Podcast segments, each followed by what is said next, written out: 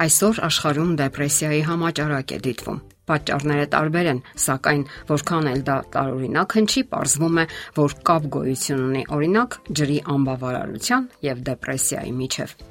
Հոգնածության, սթրեսի, բարձր գրգռվածության ժամանակ բժիշկները խորհուրդ են տալիս դանդաղ եւ կենտրոնացված խմել 1-ից 2 բաժակ ջուր։ Արդյոք դա պատահական է եւ ինչու է ջուրն այդքան անհրաժեշտ մեր օրգանիզմին որովհետև մեր օրգանիզմը մի ամբողջ ջրային տնտեսություն է, որը 70%-ով կազմված է ջրից։ Եթե դուք կշռում եք 60 կիլոգրամ, ապա ջուրը կազմում է ձեր քաշի 42 կիլոգրամը։ Մկանները 75%-ով կազմված են ջրից։ Արյան 93%-ը ջուր է եւ նույնիսկ ոսկորներում է այն հասնում համարյա 50%-ի։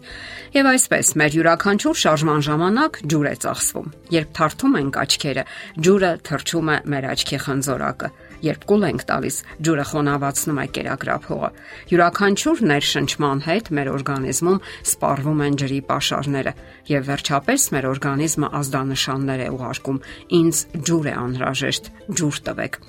Սակայն հարցն այն է, որ մենք երբեմն կարող ենք չզգալ այդ ազդանշանները։ Տարիքի հետ ծարավի զգացումը բթանում է։ Ավակ տարիքի մարդկանց մոտ հաճախ մկանները թուլանում են։ Թուլանում է մտածողության հստակությունը։ Պատճառն այն է, որ մկաններին եւ ուղեղին չի բավականացնում ջուրը։ Շատերը սովորեցրել են ընտելացրել իրենց օրգանիզմին չոր ռեժիմի առաջնորդվելով հետևյալ սկզբունքով. ես խմում եմ այնքան ջուր, որքան պահանջում է իմ օրգանիզմը կամ երբ ծարավ եմ։ Սակայն հիմնախնդիրն այն է, որ օրգանիզմը հեղուկի մշտական անբավարարություն ունենալով կարող է երբեք էլ ջուր չխնդրել։ Սակայն անկախ ծարավի զգացման բացակայությունից կամ արկայությունից ջուրը խիստ անհրաժեշտ է օրգանիզմին։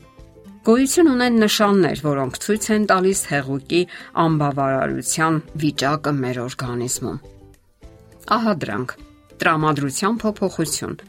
Քանի որ ուղեղը 85%-ով կազմված է ջրից, ջրի անբավարարության ժամանակ մարդը դառնում է գրգռված, կորչում է մտածողության հստակությունը, գլուխը սկսում է ցավել, ականջներում զնգոց է լսվում, նա ընկնում է դեպրեսիայի մեջ։ Իսկ եթե ջրի պարունակությունը ուղեղի մեջ նվազում է մինչև 70%, կարող է զարգանալ սուր պսիխոզ, զառանցանք հալուցինացիաներ կամ այսպես ասած տեսողական պատրանքներ։ Հեղուկի անբավարարության հաջորդ նշանը հոգնածությունն է։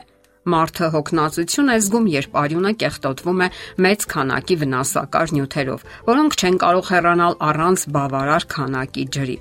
Հարվարդի համալսարանի ֆիզիոլոգ Պիցը համոզվել է, որ անմիջական կապ գոյություն ունի ջրի օգտագործման եւ հոգնածության միջեւ։ Նա ուսումնասիրել է վազորդների 3 խումբ, ովքեր վազել են վազքուղու վրա ժամում 6 կիլոմետր արագությամբ։ Մարզիկների առաջին խմբին ընդհանրապես ջուր չեն տվել։ Երկրորդ խմբում խմել են միայն այն ժամանակ, երբ ծարավ են զգացել, իսկ երրորդ խմբի մարզիկները 7-ժամյա մարզումների ժամանակ խմել են մեկական բաժակ ջուր յուրաքանչյուր 15 րոպեն մեկ։ Եվ ահա փորձի արդյունքները։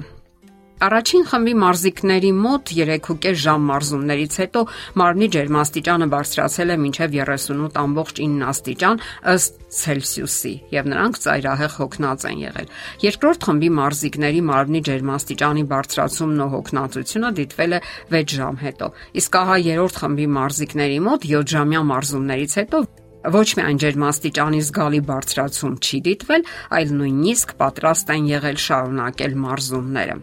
Ուրեմն, եթե դուք բավականաչափ ջուր եք խմում, ապա կարողանում եք հաղթահարել հոգնածությունը։ Ահա թե ինչու բավականաչափ ջուր պետք է խմեք, եթե ձեզ ծանր աշխատանք է սպասվում։ Եթե ձեր երեխաները հոգնել են կամ կամակորություն են անում, ջուր տվեք նրանց եւ ինքներդ էլ խմեք 1-ից 2 բաժակ եւ կդառնաք ավելի հավասարակշռված եւ պակաս խոցելի սթրեսների եւ հիվանդությունների հանդեպ։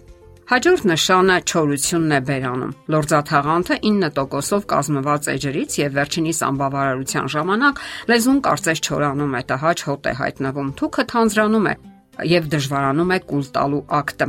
Ահա թե ինչու հաց ուտելու ժամանակ ցանկություն է առաջանում ջուր օգտագործել, որpիսի կլման ակտը հեշտանա։ Հեղուկի անբավարարության մասին է խոսում մաշկի վիճակը։ Երբ օրգանիզմը բավարար քանակի հեղուկ չի ստանում, մաշկը թորշոմում է, դառնում է կնճռոտ, գունատ եւ չոր։